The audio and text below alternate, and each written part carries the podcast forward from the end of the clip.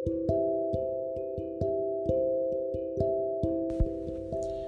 semuanya, perkenalkan nama aku Alifa Syafira, mahasiswa baru dari Institut Teknologi Sumatera, Prodi Perencanaan Wilayah dan Kota.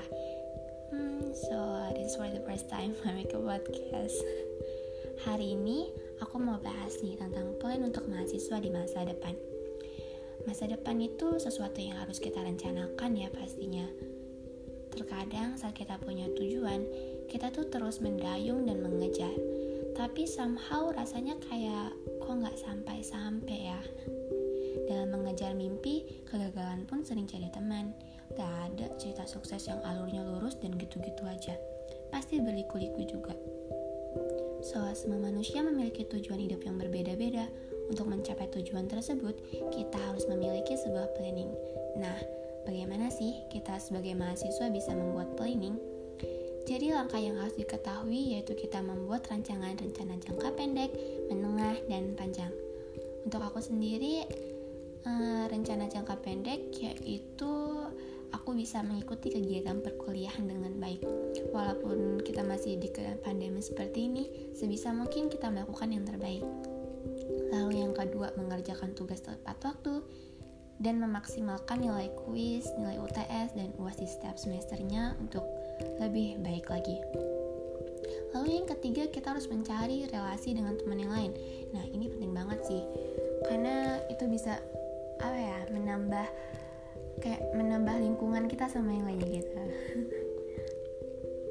Terus juga kita yang keempat kita aku mau mencari kelompok belajar agar lebih mudah dalam mengerjakan tugas. Jadi kita harus pintar-pintar lah ya dalam memilih teman belajar kita Lalu yang untuk rencana jangka menengahnya, aku pengen mem memiliki nilai IPK yang sesuai target lah yang maksimal, ya IPK 3,5 lah. Terus yang pasti juga memaksimalkan nilai UTS dan UAS.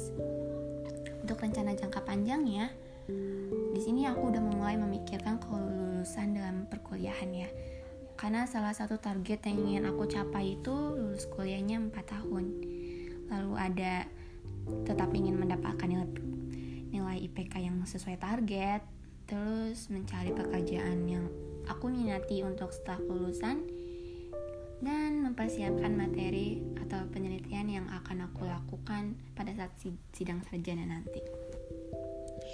Uh, jadi kayaknya segitu aja rencana aku sebagai mahasiswa di masa depan nanti. Oh ya, untuk penutupan perjumpaan kita hari ini, aku punya sedikit kata-kata sih. Ya aku bisa bisa dibilang ini aku juga sih ngambil ya. Di dalam ilmu penerbangan ada yang namanya teori crosswind landing. Correct me if I'm wrong. Jadi kalau misalnya pesawat mau mendarat di sebuah titik, dia bakal set untuk mendarat lebih jauh daripada titik itu. Nah, nanti lewat bantuan angin, dia bakal mendarat di titik yang sesungguhnya. So, menurut aku lebih baik mimpi itu harus yang besar, harus lebih jauh daripada tujuan dan cita-cita kamu yang diinginkan.